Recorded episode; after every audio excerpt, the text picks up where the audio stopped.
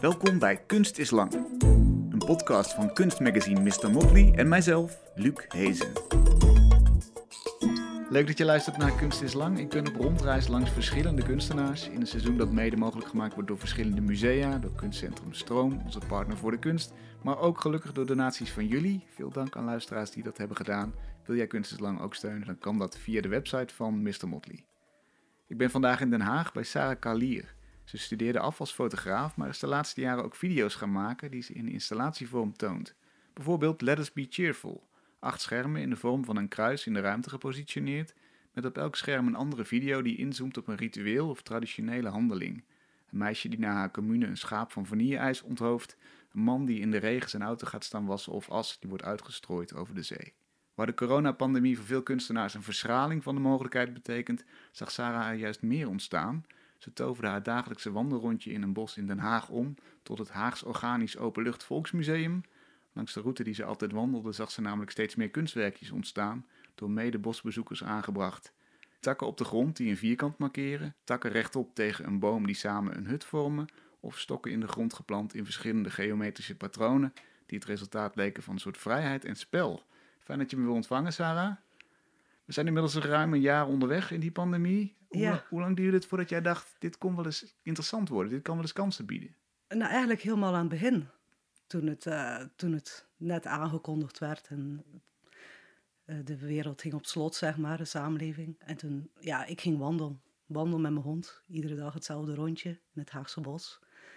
En dat was een soort van ontsnapping, een ontspanning ook wel. En toen op een gegeven moment zag ik, zag ik allemaal dingen ontstaan. En ik dacht van, hè? Dat is raar, want ik, ik wandel dat rondje heel vaak. En dat is eigenlijk een heel ruw stukje bos. En ik had dat nog nooit gezien op die route. En toen dacht ik van ja, ik begon eerst met mijn iPhone iedere keer dingetjes te fotograferen. En gaandeweg werd het een project. En Dus na, ik na een steeds- paar dagen al eigenlijk. Ja, ja, eigenlijk in de, wel. in de lockdown. Ja, wanneer was het eerste? Ik denk 31 maart Ja. dat ik echt eh, de eerste foto maakte. Oh, ja. En toen, eh, toen ging het maar door. En eh, beschrijf eens, wat zag je allemaal? Nou, om te beginnen zag ik eigenlijk een boom. En die boom die stond wat scheef, zo eh, hellend. En daar had iemand een, eh, een tak tegenaan geplaatst. En ik dacht van, hé, is dat nu om die boom te ondersteunen? Want het was net in die hoek Oh ja. van ah, die tak. Is dat dan gedaan omdat o- om zou vallen? Of, of dat beeldend vermogen? En toen was ik daardoor gefascineerd. En toen de volgende dag toen kwam ik er langs en toen waren er meer takken bij geplaatst in een ronde, als een soort van cirkel. En daar had ik ook een foto van gemaakt. En toen drie dagen later, toen kwam ik er en toen had iemand die, die schuine tak, die eerst aan het begin stond, teruggeplaatst. En dan andere takjes er tegenaan, zo in een driehoek naar boven. Ja, Ik ben het toen een luie ruggengraat gaan noemen. En, en op een gegeven moment was het weg. En, en dat spel, mensen waren in het bos aan het creëren. En dat spel, daar ben ik eigenlijk gaan volgen. Het begon bij eentje. En uiteindelijk heb ik 50? Oh, wauw. Ja, 50 kunstwerken gespot. ja, ja. En natuurlijk was, ja, tot op een gegeven moment, ik was alles aan het documenteren eigenlijk. Dus ik vertrok 's ochtends in het bos met mijn rugzakje. En op, het, op een gegeven moment, op het hoogtepunt, was ik eh, om één uur 's middags terug. Want alles moest gedocumenteerd en alles was ik aan het volgen. En ik deed sporenonderzoek en ik was aan het kijken. Want ik zag nooit iemand die sculpturen maken. Ja. Ze waren er iedere keer. En wat voor sporenonderzoek, hoe ziet dat eruit? Nou, op zoek op de grond van wat ligt er. En, ehm, en je vindt alles, je vindt van alles.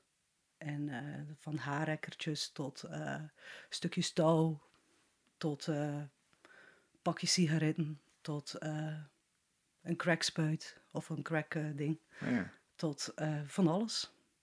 Ja. Maar dan weet je natuurlijk nog niet of dat de kunstenaar is, de kunstenaar in kwestie. Of maakt dat niet zoveel uit? Nou ja, op een gegeven moment als je er langer mee bezig bent, dan ga je wel iedere keer naar dezelfde plek natuurlijk. En dan weet je van, oh, gisteren lag hier een zakje M&M's. En vandaag ligt hier een eh, kanon bierblikje.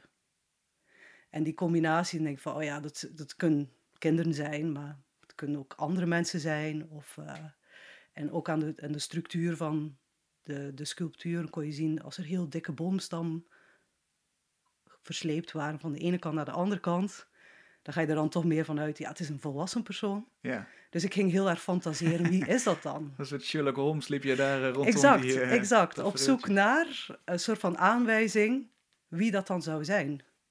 En ik ging ook, sommige mensen wisten dat ik daarmee bezig ben en ik ging ook iedereen verdenken en zo. Ja, je weet het, jij hebt dat gedaan. Ah ja. Dus, eh, maar de- ik, ik was samen aan het spelen met, met de mensen die, ik, eh, die anoniem aan het bouwen waren in het bos. Ja. En op een gegeven moment richt je daar dan een museum voor op. Je denkt eigenlijk, dit is, dit is niet meer eh, wat je een normaal bos zou kunnen noemen, maar dit, dit is een museum. Dus Ja, even kijken, wat was de naam ook alweer? het Gaags Organisch Openlucht Volksmuseum. Ja, precies. ja. Wa- Wat was het moment dat je dacht, ik bombardeer dit tot museum? Dit bos is nu een museum. Nou ja, kijk, aan de ene kant dacht ik van, als ik er een museum van maak, dan is alles wat erin komt te staan belangrijk. Het krijgt een soort van belangenstatus. Dus dat was het eerste. En een museum is eigenlijk ook een plek waar je kunt verdwalen. Dat je kunt kijken naar creaties van anderen, maar waar je ook iets kan bijleren over de samenleving, over de maatschappij. En eigenlijk gaandeweg, toen ik langer in het bos onderzoek aan doen was, toen kwam ik er eigenlijk ook achter van, hé, hey, maar eigenlijk toont het heel veel over onze samenleving, over onze maatschappij. Dat stukje groen in de stad, waar iedereen naartoe vlucht tijdens die coronapandemie. En voor de ene was het een plek voor vertier, en voor de andere was het echt een, een, een plek die creativiteit moest inzetten, zeg maar, om een eigen huis te bouwen, om s'nachts te kunnen slapen. Dus die combinatie was heel dun tussen die twee. Hmm. En het was ook helemaal niet duidelijk. Eh eh, sommige wel, sommige niet duidelijker, zeg maar. Dus je, je wist niet zeker wat spelen was en wat een, noodzakelijke Nee, dat slaapplek wist ik was, niet. zeg maar. Nee. En hoe, hoe weet je dat daar echt mensen sliepen? Nou, ik ging op een gegeven moment, zag ik wel aan de vorm. Hè? eh, een vorm, daar kon iemand in liggen. Iets was heel stevig gebouwd. eh, goed dichtgedekt met bladen. Eh, ik vond toen ook een maaltijd van de Albert Heijn, een salade. Ik dacht van, oh, dat is dan misschien echt wel iemand. En ik vond op een gegeven moment ook slaapzakken in het bos. Ja. Dus dat deed me wel steeds meer vermoeden dat, dat eigenlijk die scheidingslijn tussen spel en vertier eh, heel dun is met mensen wat echt noodzakelijk was, zeg maar. En ja, dat het, dat het dan een soort van daar allemaal samenkomt in dat bos. En het, ja, ik heb nooit iemand gesproken die daar geslapen heeft. Of dat weet ik ook niet 100% zeker, maar dat vermoeden was wel degelijk daar. En, eh, en, en eigenlijk dat museum is een soort van plek wat je niet zeker weet. Je droomt erover, je fantaseert erover. Je gaat erover nadenken. En dat is misschien ook al hetgene waarvan ik dacht van ja, maar dat is wel een soort van museum. Dat mag hier ook wel. Ja, dat zijn de ook een soort kwaliteiten van die... maatschappelijke boodschap. Precies, dat, dat zijn de kwaliteiten die je in een museum ook nodig hebt. Fantasie. Ja, en- ja, en- fantasie of, of naar iets kijken wat dan een andere betekenis krijgt. Ja, Gaandeweg. en wat je ook weer laat reflecteren op het leven wat je hebt Ja. buiten dat museum. Ja. Ja, want uiteindelijk, ik bedoel, ik had ook die luxe om te spelen. Ik ging, eh, voor mij was het een, een ontsnapping en die, het feit dat het systeem plotseling stil stond, bood mij heel veel mogelijkheden om, om ergens toch eh, dat spel te hebben. Mij geen zorgen te maken. In alle luxe, wetende dat je In genoeg geld luxe. hebt en een huis. En, Ja. En, en wetende dat, dat er heel veel anderen met mij dat ook hebben. En ik denk ook af en toe van ja, misschien is dan, misschien mogen we dat wel een keer beseffen, dat we het eigenlijk helemaal niet zo slecht hebben. En eh, ja, dat eigenlijk. En dat besef kwam, kwam dat meteen al, ook al in die eerste dagen? Nee, absoluut niet. Nee, Want je absoluut baalt niet. natuurlijk gewoon eerst van, die, van zo'n lockdown. Tuurlijk, absoluut. En ik, eh, ja, alles, alles werd stilgelegd en, en de ene telefoon naar de andere. En eh, ik dacht van, ja, de- wat gebeurt er allemaal? En, en telefoontjes, bezorgde telefoontjes, ja, dat. En toen op een gegeven moment kwam een soort van rust wel. Toen op een gegeven moment kwam, ontstond een soort van moment van bezinning. En ik denk met mij dat er wel heel veel dat ook ervaren hebben Hmm. als je niet ziek bent en je, hebt eigenlijk, je, moet, je wordt gedwongen om thuis te blijven. En je hebt geen eh, eh, druk bestaan, zeg maar. Of heb- juist met een druk bestaan heb je dan misschien nog even de rust. Dat je even tot, je, tot jezelf kunt komen. Ja. En als je zegt, ik zag die maatschappij weerspiegeld in dat bos, wat, wat zijn dan nog meer dingen die, die je opvallen? Dus er zijn mensen die spelen, maar er zijn mensen die dat bos hard nodig hebben voor hun overleving. Mhm. Zijn er nog andere dingen die je ineens opvielen? Eh, ja, dat we eigenlijk wel, dat we gewoon allemaal creatieve wezens zijn. Dat we eigenlijk gewoon, dat het een soort van oerbehoefte is. dat creativiteit gewoon heel belangrijk is in een mensenleven. En uiteindelijk, ja, dat, dat is natuurlijk ook wat Boyce altijd geroepen heeft, van eh, iedereen is een kunstenaar. En, en dat was wel hetgene wat ik echt ontdekt heb op die plek. Wat mij nu, ehm, dat ik dacht van, eigenlijk zit het gewoon allemaal in ons. Dus misschien moeten we dat steeds belangrijker gaan vinden. Hmm. Misschien is dat hetgene, juist dat spel, die creativiteit, als we dat wat vaker gebruiken, in plaats van dat het nu een soort van ding was die ontstond, waardoor ik het ook echt kon zien. Maar wat als dat gevoel levendig blijft? Hoe zou dat, hoe zou dat zijn voor de samenleving? Ja. Als we dat zo meer zouden gebruiken, zeg maar. Want wat trof je daar aan? Heb je nog een voorbeeld van, van iets waarvan je echt dacht, ja, dit is creatiever dan ik mijn medemens had ingeschat? Ja, met name die, die vierkant, die gewoon eh, een soort van achter de struik lag. Ik dacht van, wow, dat, dat vond ik... En dan had, was een tennisbal, die was in twee gezaagd. En een ene stukje aan die kant en een ander stukje aan de andere kant. Oh ja. Maar er was bijvoorbeeld ook een, eh, een, een creatie en dat was dan... Je kon zien dat iemand echt naar de tak gekeken had, de vorm van de tak. En die vorm, zeg maar, die was neergeplant en daarop verder geborduurd met nieuwe takjes. Dus je kon wel echt zien, er was echt iemand heel, heel erg aan het creëren. Echt een, een prachtige sculptuur aan het maken. Hmm.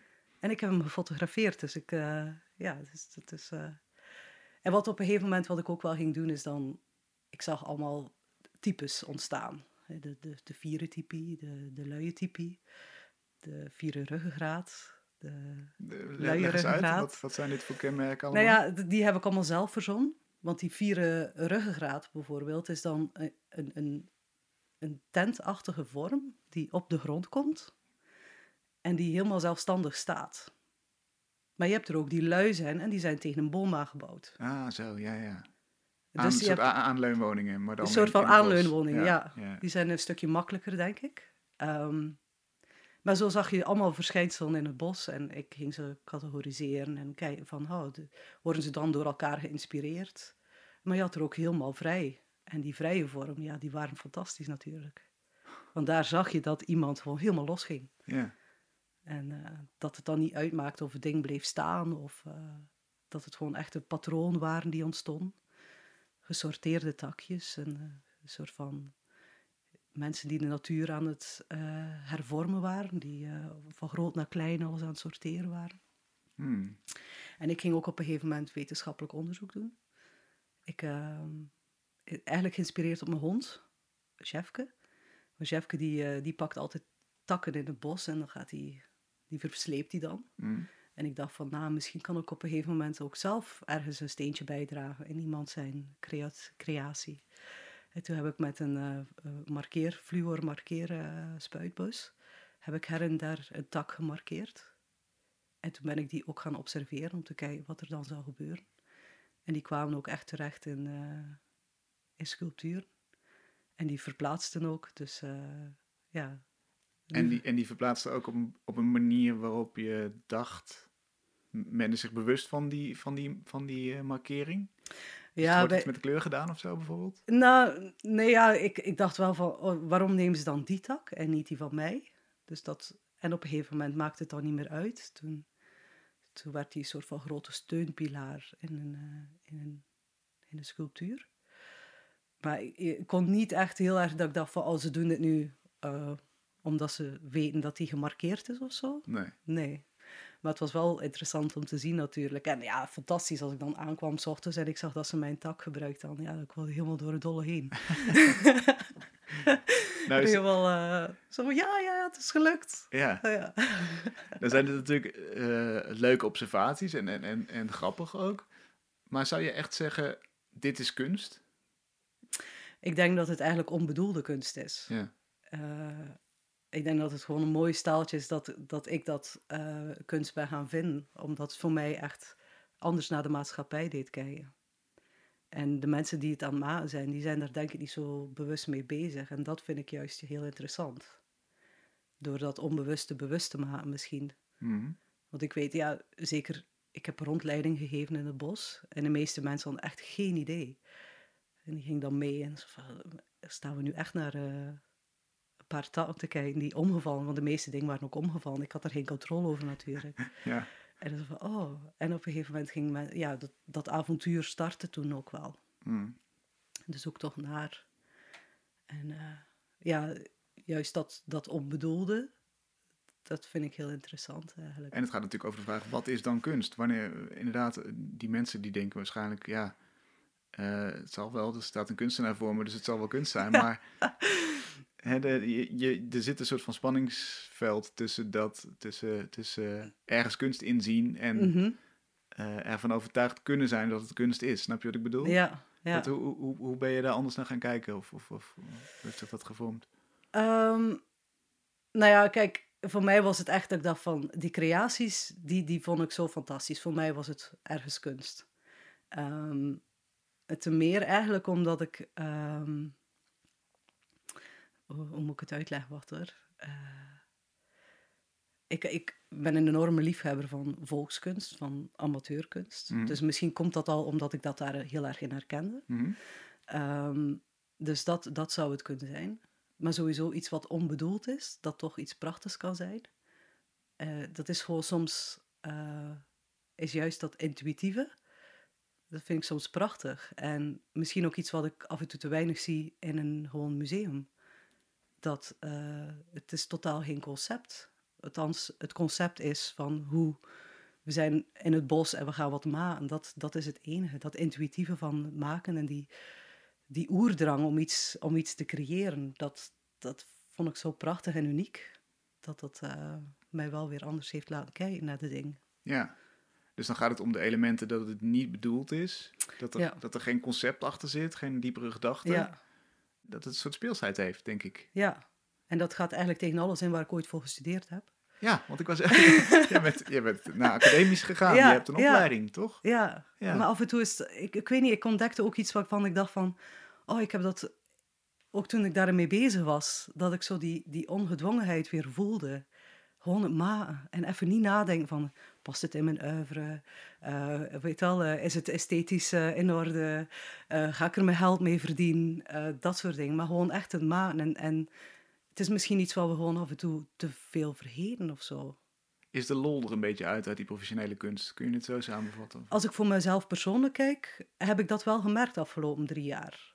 Ik bedoel, ik heb echt wel een, een dip gehad. Of gestruggeld met, met grote onderwerpen. En eh, mijn positie als kunstenaar in, in, in de wereld. En kan ik dit maken? En met mij echt vragen gaan stellen, van, eh, financieel ook, weet je wel. Dus dat ik dacht van, ja, hoe, hoe moet dat dan nu? Eh, en waardoor dat die lol er steeds wat verder is gaan, gaan wegzakken of zo. Hmm. Je denkt, dan studeer je af en dan heb je die, die energie voor te maken en dan is alles nieuw. En dan op een gegeven moment ben je daar dan en dan moet je het nee, dan blijf je soort van rondcirkelen. En toen dat ik in het bos was, toen ontdekte ik weer iets bij mezelf. Dat ik, eh, dat ik dacht van ja, er moet gewoon veel meer over maken gaan. Over echt eh, iets nieuws laten. Weet je, jezelf ook uitdagen weer daarin. Vind je het dan ook... Is het arrogant dat kunstenaars zeggen... ik heb een opleiding gedaan, een paar jaar... dus ik, ik weet nu hoe het werkt? Of, of ik, ik ben een professional? Goh, maar ik denk dat er heel veel kunstenaars zijn die op een gegeven moment in hun carrière of in hun oeuvre eh struggelen daarmee. Want je bent al heel lang bezig met iets en, je- en mensen verwachten dat ook. En eh, wie, eigenlijk onbewust zet je jezelf heel erg vast in, in, in de dingen die je maakt. En voor mij was, eh, merkte ik dat toen. Dat dat eigenlijk een soort van onbewust erin geslopen was. Hmm. Zo van, ja, maar... Ja, dat, dat je dan wel tot het besef komt van... Maar het kan ook anders zijn. Het kan ook gewoon even helemaal... weer dat spel opzoeken. Ja, Ja. maar als je zegt... amateurkunst staat op eenzelfde niveau als, als professionele kunst... Of, of Goh. is het iets anders? Is nee, het anders is, het is niet... Ik durf niet zeggen dat ze gelijkwaardig zijn, maar ik denk dat ze elkaar nodig hebben. Ah, ja. Ik denk dat het gewoon af en toe heel fijn is om te kijken wat een amateur maakt. Ik zag onlangs in, eh, in, in de krant een foto van een man. En die had de kathedraal van Breda eh, gemaakt met luciferstokjes. Tijdens de lockdown. En eh, dat had hij heel precies gedaan. En die poseerde met zijn, eh, met zijn creatie. En toen Mm. dacht ik van ja, dat is, dat is gewoon prachtig. En, en gewoon dat eigenlijke doen, dat, dat is gewoon af en toe wat ik zelf mis. En wat we misschien dan uit die boeken, want als je zelf, wat ik zelf bij mezelf merk, als ik heel veel ga lezen en ik ga me heel erg verdiepen in een onderwerp, dan weet ik er al heel veel van, maar dan is die lol om het te maken of daar die vernieuwing in te zoeken, dan gaat die weg. Mhm. En misschien komt dat ook wel omdat ik een doener ben. Ik bedoel, ik spring meestal en dan, als ik aan het springen ben, dan denk ik van wat heb ik gedaan? En dan moet ik oplossingen zien te verzinnen om, om die probleem waar ik tegenaan loop, om daar, eh, om daar iets nieuws van te maken, zeg maar. En als ik al van tevoren alles incalculeer en ik heb alles gelezen en het, het moet inhoudelijk, theoretisch allemaal kloppen, zeg maar, dan gaat bij mij meestal de, de deur dicht. Ja. Want dan denk ik van ja, maar daar zit mijn, die creativiteit is echt eh oplossing verzinnen meestal.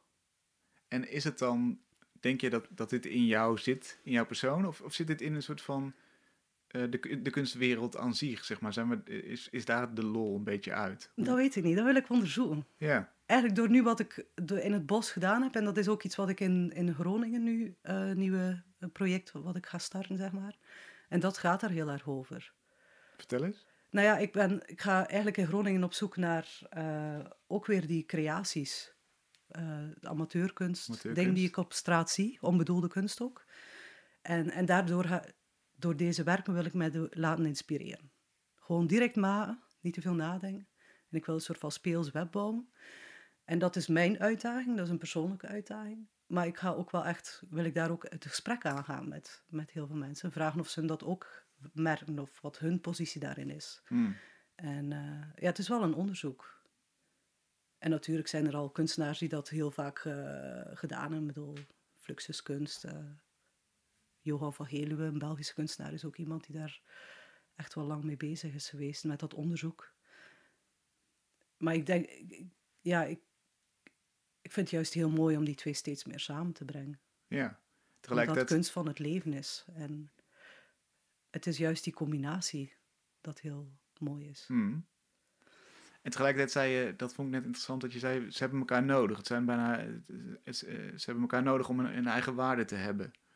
Je, je, je, kunt, je kunt zeggen, een, de professional is er omdat hij zich onderscheidt van de amateurs. Mhm. En aan de andere kant, eh, nou ja, hoeft een amateur zich niet aan allerlei ingewikkelde zaken of, of keurslijven te houden. Ja, ik denk dat wij, eh, de, de professionals, zeg maar tussen aanhalingstekens, eigenlijk meer kunnen leren van de amateurs. Ja? Ik weet niet of de amateurs ons echt nodig hebben. Dat vind ik heel moeilijk om dat te zeggen. Ja. Maar ik kan alleen maar vanuit mijn eigen standpunt kijken. Mhm. En ik denk juist dat het juist heel fijn is om af en toe gewoon te doen. En eh, gewoon eh, te springen als kunstenaar. En je echt te laten inspireren door wat er direct in je omgeving gebeurt en dat op te pikken. En, en dat is gene wat ik wel merk bij die, bij die amateurkunst, dat dat gewoon...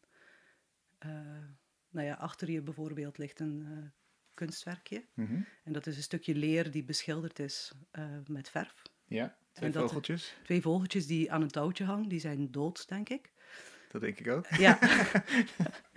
maar dat hebben we gekregen van... eh, ehm, het, het werk is van Raphaël. En eh, hij, is, eh, hij kweekt tomaten. En ik heb dit werkje gekregen van hem, omdat hij zei van... Ja, je bent kunstenaar, dus volgens mij kan jij dat wel appreciëren. Hmm. En ja, ik vind het gewoon prachtig. Ja, en ik is- denk van ja, dat inspireert mij enorm. Ja, En ik ga alleen maar vragen stellen, waarom is het dan ontstaan? En, en probeer het dan te analyseren. En juist in dat proces. eh, en het dan vervolgens weer om te zetten naar iets nieuws, vind ik gewoon heel interessant. ja. En dat is dan de stap die de professional toevoegt, stel ik me zo voor. Want een ja. amateur kan natuurlijk gewoon denken, is dit, is dit goed gelukt of niet? Lijken dit op twee vogeltjes? Ja, Zijn de kleuren goed? Oké, klaar. ja exact. Ja. En dus, dus ze kunnen elkaar versterken eigenlijk. Ja, ja, En wat, wat is dan de... Ja, dan ga, dan ga ik toch weer vragen naar het concept, omdat jij eh, natuurlijk een getraind kunstenaar bent. Maar wat is dan het concept wat in Groningen daar... daar eh, wat is de volgende Nou ja, ik- conceptuele stap? Ik, ik, wat ik in Groningen wil, is eigenlijk een soort van... Ik wil een web bouwen. Een web waar eigenlijk alles samenkomt. Eh, de, de creaties die ik vind, dat, dat zal altijd een onderdeel zijn van de tentoonstelling. Mhm. maar ook dingen die ik zelf maak. En eigenlijk, wat ik dan graag wil, is aan de toeschouwer als hij er binnen wandelt. Ik, ik, dat is een ding dat ik nu verzin hoor. Want ik, wil, dat, ik zou dat heel graag willen bereiken, zeg maar. Dat weet ik natuurlijk niet. Ehm, maar als je de ruimte binnenstapt, dat je soort van in een web komt waar alles door elkaar heen loopt en waar je soort van als, als kijker ergens uitgedaagd wordt om ook mee te spelen. Zo van, verlies je maar. Te maken ook. Te maken en, en misschien ook wel uh, door alleen al na te kijken en die verbindingen op te zoeken. Uh, juist door die referentiekaders te laten zien en daar vragen over te stellen. Wat is die positie? Mm. En uh, ja, kijk, ik heb een museum gebouwd in een bos of omgetoverd in een bos. Dus ja, ik, ik ben ook wel iemand die niet per se vindt dat kunst in een museum thuis hoort of moet zijn. Ik vind het ook interessant als iets op straat gebeurt. Ja. En, en dat, dat die weg van de kunstwereld naar wij kunstenaars toch steeds meer ook naar het leven mag zijn. En dat die, die samenkomst, eh, dat vind ik gewoon, uh, zou mooi zijn als dat steeds meer gebeurt. Want ik denk ook echt dat het is een noodzakelijk goed. Creativiteit, kunst, ja, spel. Wat, wat moet kunst dan doen, wat jou betreft? Activeren. Die hersenen activeren. En, en, het, uh, en in die activering gewoon die expressie weer. En uh, denk bij die activatie dat je al gewoon anders naar een onderwerp kijkt. En juist doordat je misschien ook naar de achterkant kijkt, wordt een ding weer interessant. Wat bedoel je met de achterkant? Nou ja, meestal zijn we altijd gewoon om, om gewoon het recht voor ons. Hmm. En dat is het. En, maar als dan dat recht voor ons niet lijkt te kloppen, dan, ja, dan kunnen we het aan de kant zetten of we kunnen iets nieuws kopen. Maar we kunnen er ook naar kijken en zeggen van, nee, maar als we nu omdraaien, of we draaien het op zijn kop, wat gebeurt er dan daarmee? En dat, daar zit het dan in dat je dan die hersenen uh, triggert om daar verder over na te denken. En het niet gelijk af te serveren, maar gewoon uh, naar oplossing zoekt voor dingen. Maar dat klinkt toch wel bij uitstek als een professionele kunstenaarshouding, toch? Dat is iets wat je op een academie aanleert om dingen Ja, met verliefd te ja. nemen, van alle kanten te bekijken, Ja. conceptueel te analyseren. Mhm. Eh, daar, daar, daarvan zou ik zeggen, dat hebben dan misschien amateurs kunnen dat weer leren van professionele kunstenaars. Ja, dat zou kunnen. Dat zou kunnen. Maar aan de andere kant, als je dan weer te veel leert, dan gaat dat speelste er misschien ook weer vanaf. Ja, Dus het is een soort van best of both worlds. ja. Ja. Hoe, hoe gaat het er verder uitzien? Waar, waar in Groningen vindt het plaats? Eh, het, het zal plaatsvinden in Noorderlicht. Dat is een eh, tentoonstellingsruimte, studio op de Grote Markt in Groningen. Ehm, en als het goed is, eh, hopelijk, als het allemaal kan, volgens de coronaregels en alles wat erbij hoort, gaan we halverwege april is er een, eh, een solo tentoonstelling van mijn werk. en in die tentoonstelling, centraal in de ruimte, wordt mijn atelier.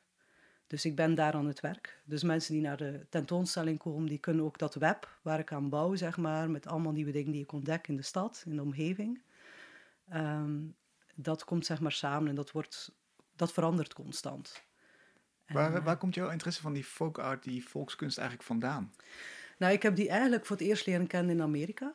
Ehm, daar heb ik een onderzoeksreis gedaan naar de Diepe Zuiden, de Deep South. En daar heb ik eigenlijk voor het eerst eh, de folk art leren kennen. Dat, dat, dat viel het voor mij, voor mij het voor het eerst op. In welke vorm?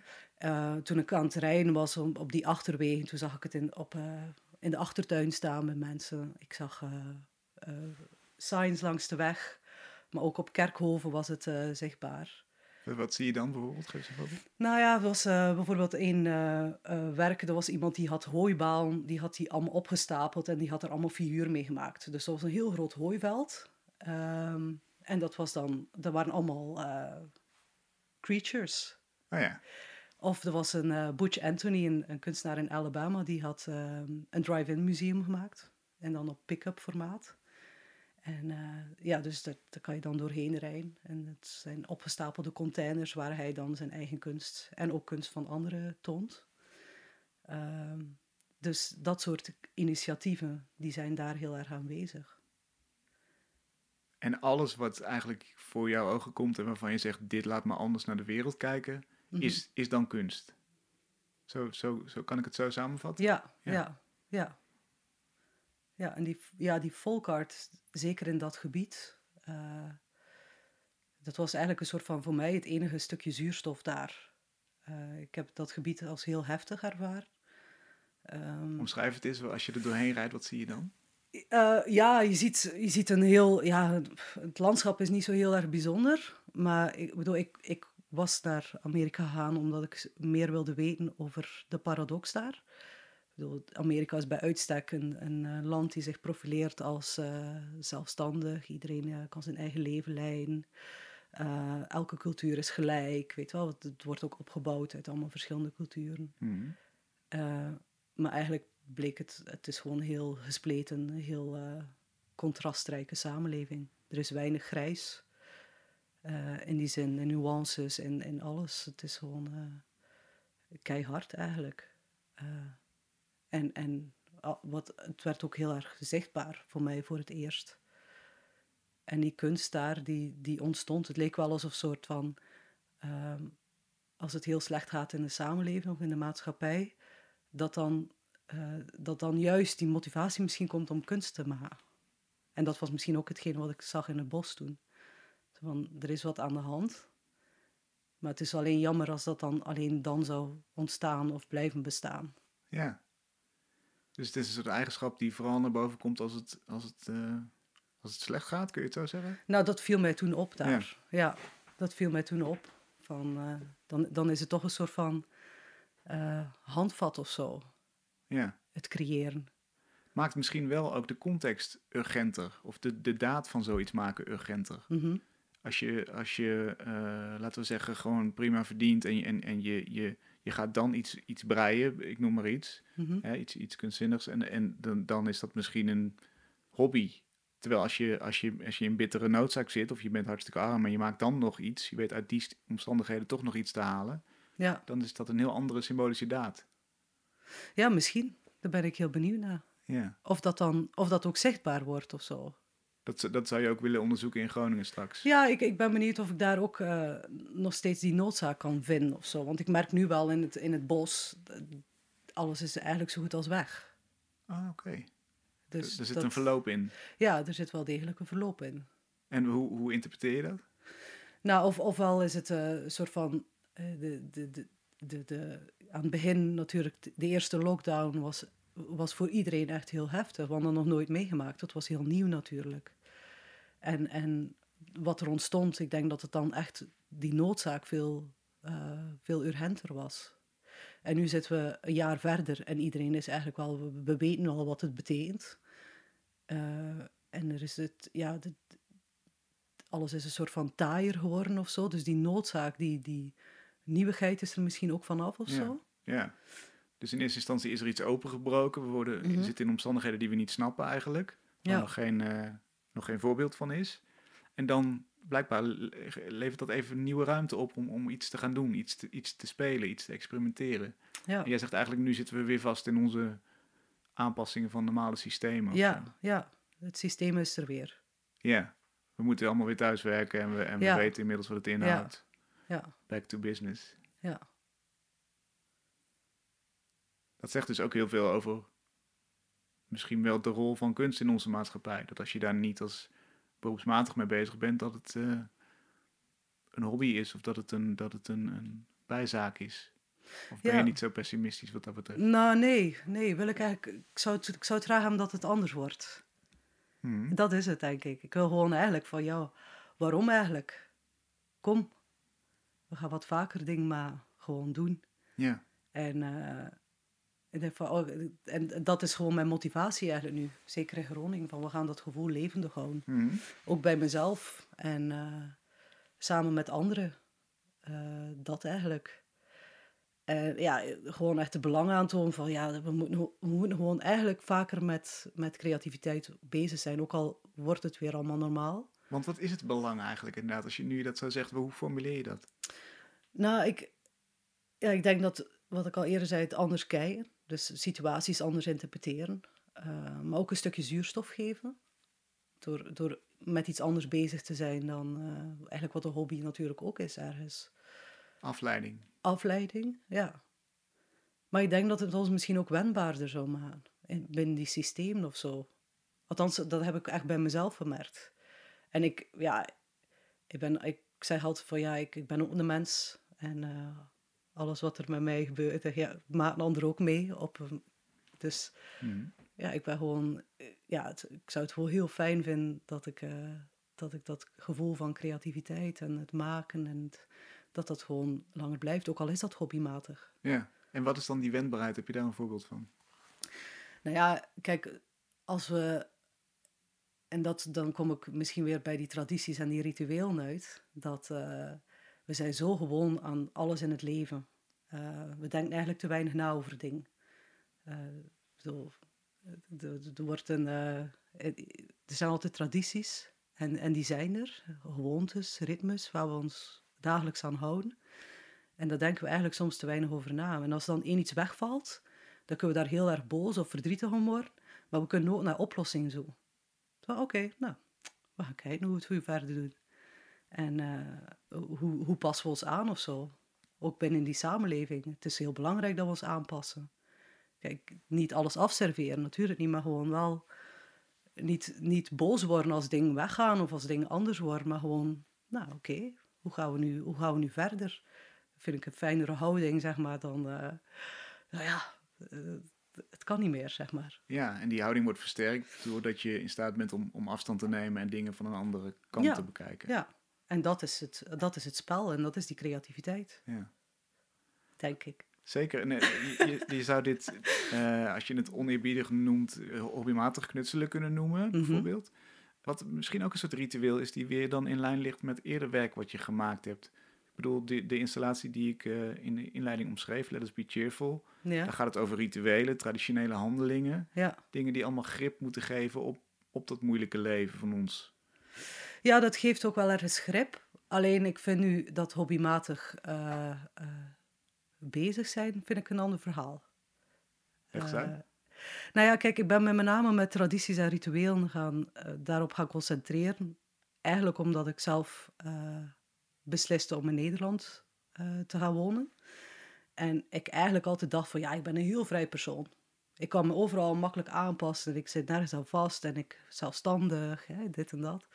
En toen kwam ik hier en ik, ik leerde die Nederlandse gewoontes kennen en andere tradities. En, en ik merkte eigenlijk gewoon dat ik keihard bekrompen was.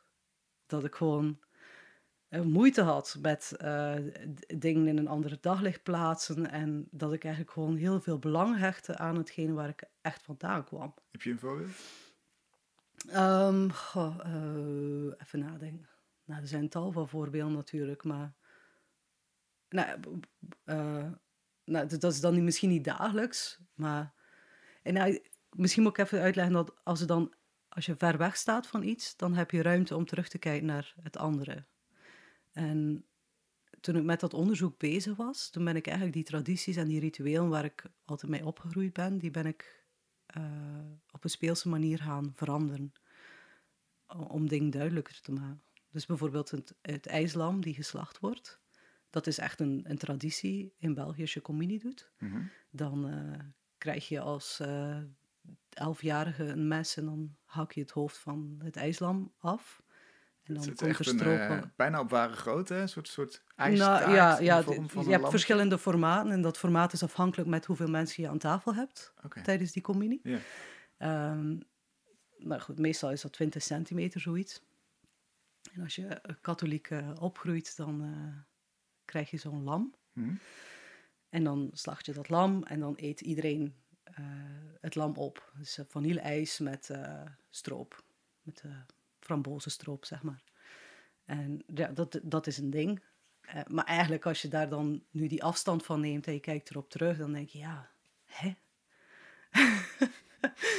Dit is eigenlijk best bijzonder. Dat dacht ik ook. Het zit in de Ja. installatie. Ja, het zit in de daarvan, installatie. ja. En, en ehm, eigenlijk door, door dat lam te isoleren en de context eigenlijk weg te halen, was voor mij een soort van openbaring van, ja, kijk dan. Ja, het is, het is aan de ene kant is het mooi, het zit heel kunstig in elkaar en het, het idee erachter is op zich ook nog wel bijzonder. Hè? IJscreme in plaats van een echt lam. Ehm, maar als je het ziet staan, dan denk je ook van, het is ook eigenlijk wel ergens eh, bizar of ergens ook wel gruwelijk of zo. hè? Mhm. Dus eh, Het idee is ook dat de rode saus eruit spuit, geloof ik, hè? als een soort van Ja, slagader. vloeit. Vloeit. Voilà. vloeit. Mag ook. ik kan het bloederig maken, maar het is gewoon vloeit. Ja. Ja. En dat is eigenlijk heel lekker, die, eh, die saus. Ja, ja, ja. ja. Dus eh, ja, doordat eigenlijk eh, al die tradities op een bepaalde manier dingen aan te passen of, of eh, ehm, ritme of tijdsverstek anders te laten lopen en in het ijslam niet op te eten, maar gewoon het laten wegsmelten, ehm, was voor mij eigenlijk een manier om die tradities een plek te geven. En het heeft mij ergens een soort van, een soort van plekje gegeven tussen twee culturen, wat, wat heel fijn is. Mm.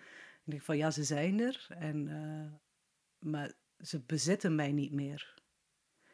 En het, je daar bewust van zijn, vond ik een heel fijn gevoel. ja, afstand van nemen eigenlijk. Ja, afstand van nemen. En, eh, en eigenlijk ja, voor, de, voor de toeschouwer was het dan eerder van ja, maar wat voor zin hebben ze eigenlijk? En wat doen ze met een mensenleven? En ehm, zijn ze niet bepalend in hetgene wat, wat ze kunnen zijn? Bepalen ze niet onze vrijheid? En wat is die vrijheid dan? Ja. Want je zou kunnen zeggen, rituelen zijn ook juist bedacht om inderdaad grip te geven, hè? eh, Zekerheid. zekerheid. Ja. Maar dat kan ook te ver doorschieten. Ja, ik denk als je gewoon af en toe da- daarover bewust bent van wat, wat je allemaal doet eigenlijk. Ik denk dat het heel fijn is als je een weekje op vakantie bent. En op vakantie doe je dan net dingen anders. Ja. En dan kom je terug. En dan wil je dat eigenlijk heel lang vasthouden. Want op vakantie was het dan... Hè, dan ging je misschien pas om eh 12 uur eh ding doen. En dan wil je dan hier ook heel graag. Maar op een of andere manier slijpt het zo weer in dat patroon. Wat je eigenlijk altijd doet. Mm. En eh, er even weer uitgaan en terugkijken. En juist die ervaring is gewoon heel belangrijk. Ja. En dat is hetgene wat die, die creativiteit wel, eh, wel weer doet. Zeg maar. ja, precies. Dat, dat, dat zie je als een middel om, om uit de sleur, eh, om uit de mechanismes te komen. Ja, Nou gaat het of wel... een redding. Ja. Dat was voor mij ook. Creativiteit was altijd mijn redding. Mm. Dat was mijn wereld. Het ziet er altijd heel echt uit. Alles wat ik maak. Maar niks is echt. Ik bedoel, het is gewoon een manier voor mij om daarmee om te kunnen gaan. Om, om dingen in een ander perspectief te plaatsen. Het het idee dat je daar last van kan hebben, dat, dat, komt, dat kwam eigenlijk net ook terug in, in het kunstenaarschap. Hè? Dat zou misschien ook een soort vloek kunnen zijn. Een te, te streng keurslijf van Ja. concept en, en eh, nou ja, opleiding eigenlijk. En rituelen kunnen dat ook zijn. Ja, maar aan de ene kant, het is, het ook heel moeilijk, hè, want je hebt ze nodig. Je wil ook ergens toe behoren.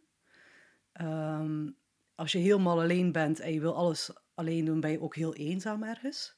Dus het is eigenlijk een constante zoektocht. Ja, maar als ik dat niet, niet doe, dan doe ik dat. Of weet je, en dan wil je boos worden op mensen misschien omdat ze het wel doen, maar eigenlijk moet je dat ook helemaal niet willen. Dus het is, eh, ja, op een of andere manier wil je ding, eh, ja, ze hebben elkaar nodig. Mm. Ik denk misschien de fijnste positie is overal tussenin gaan zitten. Ja, want ik wou net zeggen, hoe ga je nou in vredesnaam met die positie om? Nou ja, kijk, kijk in het begin was ik een fotograaf, nu, nu film ik. Hè? Dat, en ik, mijn films zijn altijd bewegende foto's, dus daar zit ik ook ergens tussenin. Ik ben geen eh, Vlaming meer, of althans, ik woon nu even lang in Nederland dan dat ik in, in, in België woonde. Ik, eh, ik, ben, eh, ik ben aan de ene kant, lijkt me werk documentair, maar het is het ook weer niet. En het is, ja, ik vind dat die, die, die zone tussenin. Ja, ik ben geïnteresseerd in, in amateurkunst, maar ik vind eh, academische kunst ook weer goed. Dus ik denk als we overal tussenin gaan zitten, dan Hmm. is het gewoon een heel fijne positie. Totdat dat een identiteit wordt. Ja, en dan moet ik weer iets nieuws. Dan moet je weer Maar dan kan ik radicaler worden, dus dat... Maar dan is ga dat ik weer naar links of naar rechts. Ja. Maar, wat, maar wat, wat brengt het je dat je niet tot een, een van die groepen hoort? Wat, zou het niet heel fijn zijn om tot een van die groepen te horen? Heerlijk lijkt me dat. Want dan kan ik ergens, dan kunnen ze mij duin. Ja, Het is altijd een probleem van hoe, hoe, waar hoor je dan toe? En ja, maar aan de andere kant, ja, dat, ik vind het juist, het lijkt me heerlijk om ergens toe te behoren. Te zeggen van, ja, jij bent dit en dat. Lekker, fijn. Maar ik ben daar eigenlijk ook een, ik, wil, ik ben een soort van onrustig persoon daarin. hm. Ik ben altijd op zoek naar, of, of ik word getriggerd en dan ben ik vertrouwd. En dan eh ik ga altijd op zoek naar alternatieven of zo. Maar is dat dan niet de identiteit van iemand die, die continu in beweging is? Of hè, moeten we daar niet een nieuw... Of, laat ik zo zeggen, zit je te wachten op een nieuw hokje of, of juist niet? Nou, ik denk als dat hokje zich weer uh, loert aan de horizon, hmm. dan zet ik meestal één voet erin en dan denk je van oeh, hoe kan ik dat nu weer? Toch wel benauwend. Ja. Ah, ja. ja. ja. Dus het moet een transparant hokje zijn dat continu in beweging is. Ja, als een fanfare. maar uh, hoe helpt die kunst jou daarin? Als we nu eens naar, vooruitkijken naar het komende, laten we zeggen, jaar. Hoe hoop je dan dat die kunst, uh, dit hele verhaal in, in het achterhoofd, jou uh, verder helpt? Nou, ik denk dat nu bij uitzaak gaat een soort van weer op een do-it-yourself therapie, wat ik ook gedaan heb met die tradities en die ritueel is een soort van, ja, ik ga, weer, ik ga ook weer bij mezelf die spelende mens uh, weer boven hangen. En dat zal, weer, dat zal me weer heel veel helpen. En ik heb er ook ontzettend veel zin in. En ik ben nu ook al dingen aan het maken dat ik denk van, oh, wat gaat er naartoe? Ik weet het niet. Ik vind en die heel, spanning is fijn. Ja, ik vind het ook heel eng. Maar ik vind die spanning, ja, dat, dat, dat geeft me echt een kick weer. En het is een kick die ik lange tijd uh, van dacht, ja, zoveel uh, gewoon het, het, maken, het bezig zijn, me laten inspireren door anderen, uh, door de samenleving, de maatschappij. En dan hopen dat het allemaal leidt tot iets waar de toeschouwer ook iets aan heeft straks. Ja, in een soort open atelier, straks in Noorderlicht. Ja, ja en, en ik hoop dat dat een soort van web wordt wat ik door op verschillende plaatsen kan. Ik bedoel, nu ga ik in Groningen onderzoeken of ik daar iets kan vinden. Maar het lijkt me ook interessant om misschien uh, in België een tijd te gaan zitten, of in, uh, in Noord-Holland of in Brabant, om op verschillende plaatsen een soort van residenties te doen. Als, ja, als een, uh, hoe heet dat, een estafette of zo, dat het een groot ding wordt. En tegelijkertijd wordt het ook een soort van beeld wat, wat anderen maken ook. Hè? Ik bedoel, het is niet alleen mijn inspiratie, maar je krijgt een soort van overzicht van wat dan die amateur of die culturele kunst is en uh, wat gewoon mensen inspireert en drijft. En dat eigenlijk dat ook heel veel gaat vertellen over de samenleving op dit moment. Het wordt een soort uh, open hokje, een soort reizend open hokje eigenlijk. Ja. Je hebt hem al gecreëerd. Ja. ja. Het hokje waar je naar op zoek was. Ja, alleen nu is die nog leeg. Ja, er hangen nu drie, drie vier dingen dus ik ben heel benieuwd hoe het, uh, hoe het verder gaat. Komt en, vanzelf. De, volg de vreugde ja. in het maken. Ja, ja. Dankjewel. Ja. Let the game begin. We sluiten af met een project dat op Voor de Kunst staat, het crowdfund-platform voor de creatieve sector. Via Zoom spreek ik Noortje van den Einde. Ze werkt mee aan de virtual reality dance performance Narcissus en Echo. Noortje, wat is allereerst een virtual reality dance performance? Wat moeten we ons daarbij voorstellen? Uh, een virtual reality dance performance. Ja, het is uh, uh, een mixed. Ja, ik noem het zelf eigenlijk een mixed reality voorstelling. Um, het, is, het, is een, het is een dansperformance, maar die speelt zich af in een virtuele omgeving. en wij hebben eigenlijk een, een, een, performance bedacht die je individueel beleeft, maar wel met elkaar. Dus het, het, is, het is een performance en die vindt plaats in een ruimte waar je met 28 mensen corona-proof uh, naar binnen gaat. Mhm. Eh, en zodra je de bril opzet, uh, ja, bevind je je in een virtuele omgeving waar je dansers ziet eh, en daar interactie mee hebt. Oké, dus we staan eigenlijk met 27 andere mensen in een ruimte. We krijgen van jullie een headset. Dus geen mhm. zorgen over dat je zelf een headset moet hebben of zo. Die krijg je daar. Helemaal schoon, ja, coronaproof. En dan, dan begint de voorstelling, als het ware. Ja, de, de voorstelling begint eigenlijk al zodra je de ruimte uh, binnenkomt. En dat is het, uh, wel het leuke aan dit project. Dat het uh, ja, echt een, een, een overgang, een transitie is van de, deze werkelijkheid en de virtuele werkelijkheid. Um, ja, dus en daarom noem ik het dus ook een mixed reality performance. En je, gaat ook echt, je hoort, een, je hoort bijvoorbeeld een stem uh, je toespreken in de fysieke ruimte. En die ja, gaat langzaam, wordt die uh, overgebracht naar de virtuele ruimte.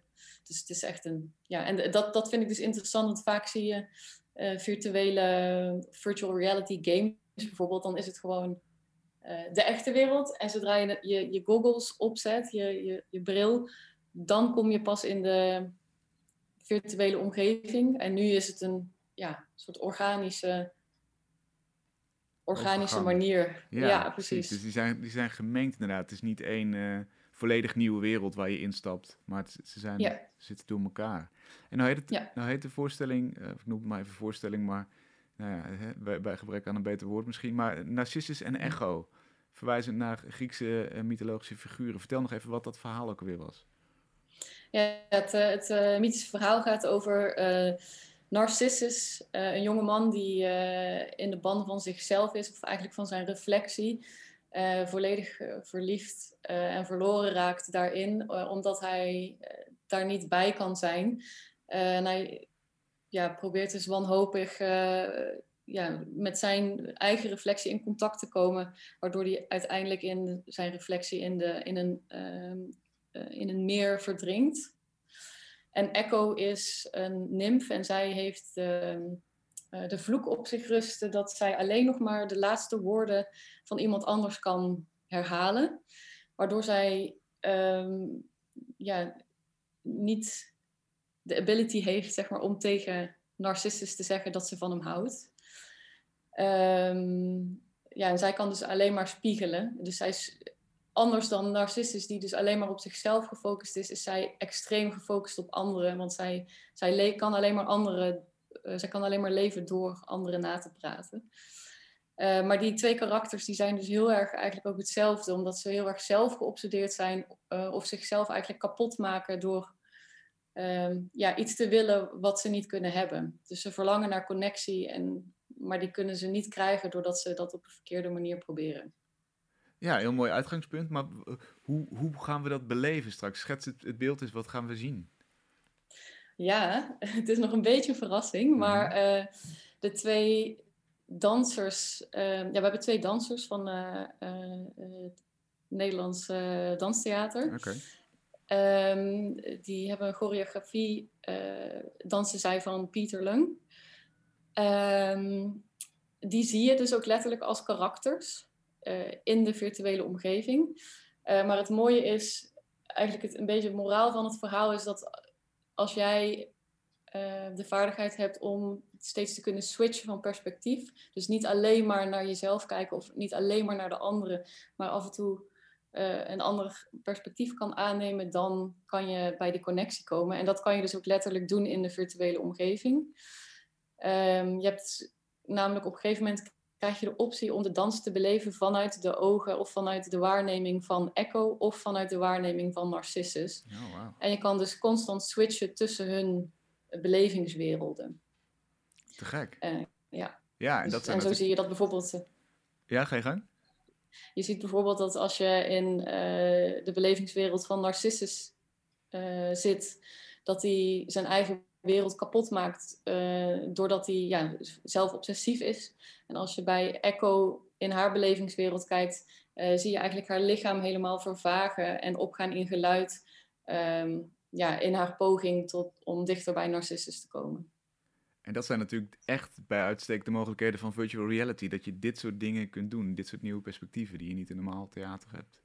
Ja, exact. Ja. En wat is jouw rol daarin? Uh, ik ben uh, ja, een beetje de, de, de projectmanager en artistiek uh, leider van, samen met Pieter, Pieter Long, Lung. maar ik richt me vooral op de visuals en de techniek.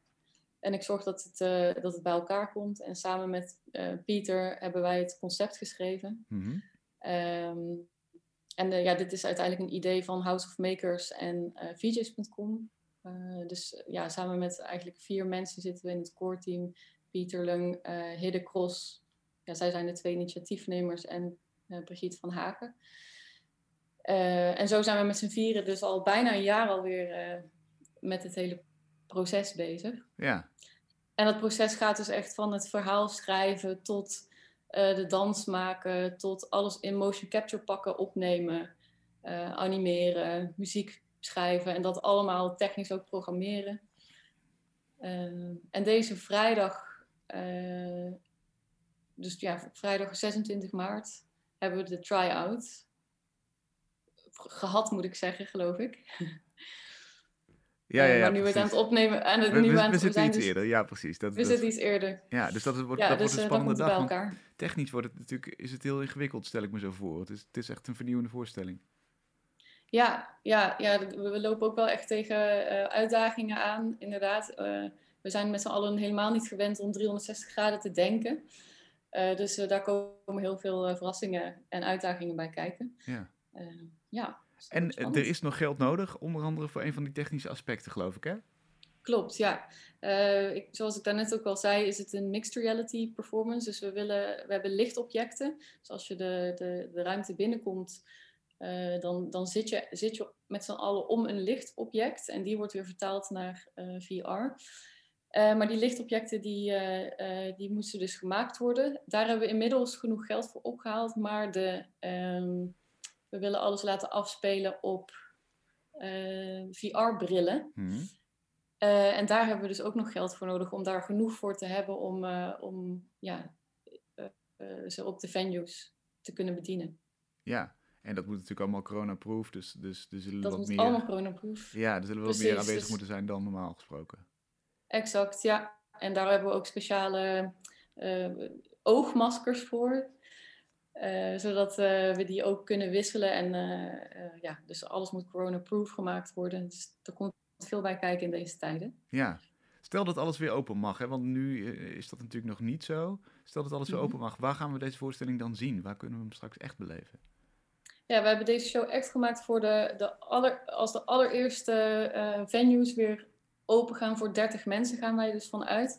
Eh, maar we willen ook de clubs ehm, eh, de, de mogelijkheid geven om open te kunnen.